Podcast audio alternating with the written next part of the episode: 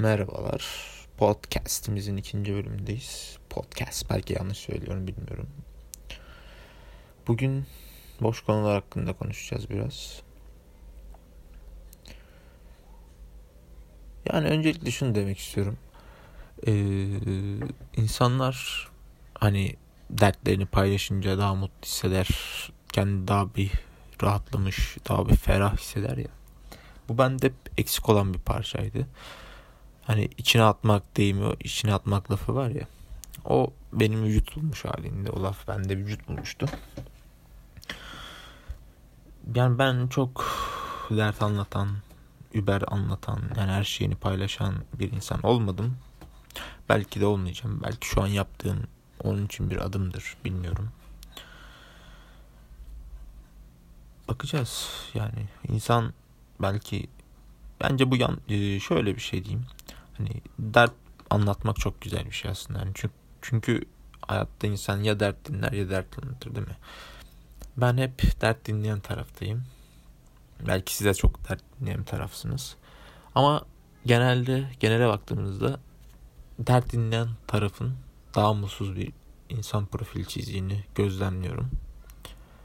Çünkü dert anlatan adam insan, kadın, erkek, hayvan, kedi, köpek, canlı, bitki her ne olursa olsun derdini anlattıktan sonra rahatlıyor.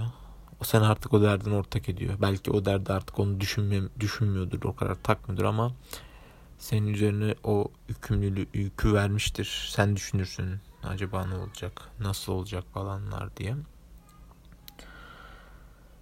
Yani bence derdinizi anlatın arkadaşlar. Benim gibi olmayın.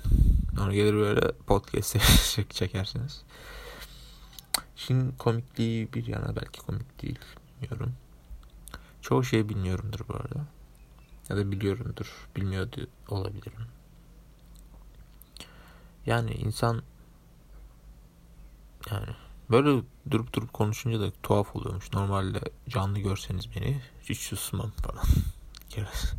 Karışık laflardan. Çok duymuştum bu podcast serilerinde, podcast serilerinde söyleyenler tarafından böyle biri olmadan boşluğa konuşmak zor olduğuna dair doğruymuş. Hak verdim şimdi onlara. Önceden ya hadi ya böyle şey mi olur falan diyordum. Yani öyleymiş ilginç. Yani dertler insanı çok garip hallere sürükleyebiliyor. Her türlü dert, geçim derdi, sosyal hayat, ilişki, sağlık, para, para bence çok önemli. Ya da statü. Yani eskiden bir işte çalışıyordum üniversiteye girmeden önce. Bir iki, iki, üç yıl sürmüştü. Ee, ilk girişte ben içine kapanık, kimseyle konuşmayan, her evet evet diyen bir insandım. Öyleydim zaten hayatım boyunca. Sümsük insanlar ya da sümsükten kastım. Ee, sessiz daha doğru bir tabir olur. Yani insan farkına varıyor belli bir süre sonra. Ee, ben çalışırken öyleydi. Çünkü belli bir süre sonra ben farkına varmıştım. Demiştim ki bilmem ne bilmem ne ismim söylemiyorum gizliyim ifşa etmeyeceğim. Bu böyle gitmez. Yani senin artık kafanı kullanman, konuşman, ses çıkarman gerekiyor falan filan. Çıkardım da ve e, o iki buçuk yılın ilk üç ayı benim için çok zor geçmişti. Sonra yani çalıştığım yerin kralı oldum diyebilirim yani o statü yani mevki olarak yine aynı yerdeydim. Maaşım aynıydı.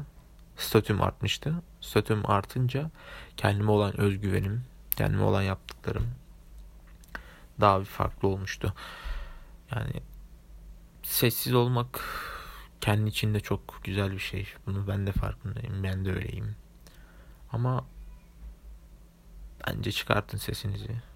Çok yüksek bir motive edici bir konuşma oldu ama olsun. İlk bölümde dedim kimse bir şey yapmayacağım falan diyordum böyle. Kimsenin hayatını yanını değiştirmeyeceğim dedim. Dayanamadım. E kendimle ilgili şeyler anlatayım dedim. Yani bu illa yapacaksın yapmayacaksın anlamında değil. Belki çok sana saçma gelebilir. Ne diyor bu arkadaş diyebilirsin. Ama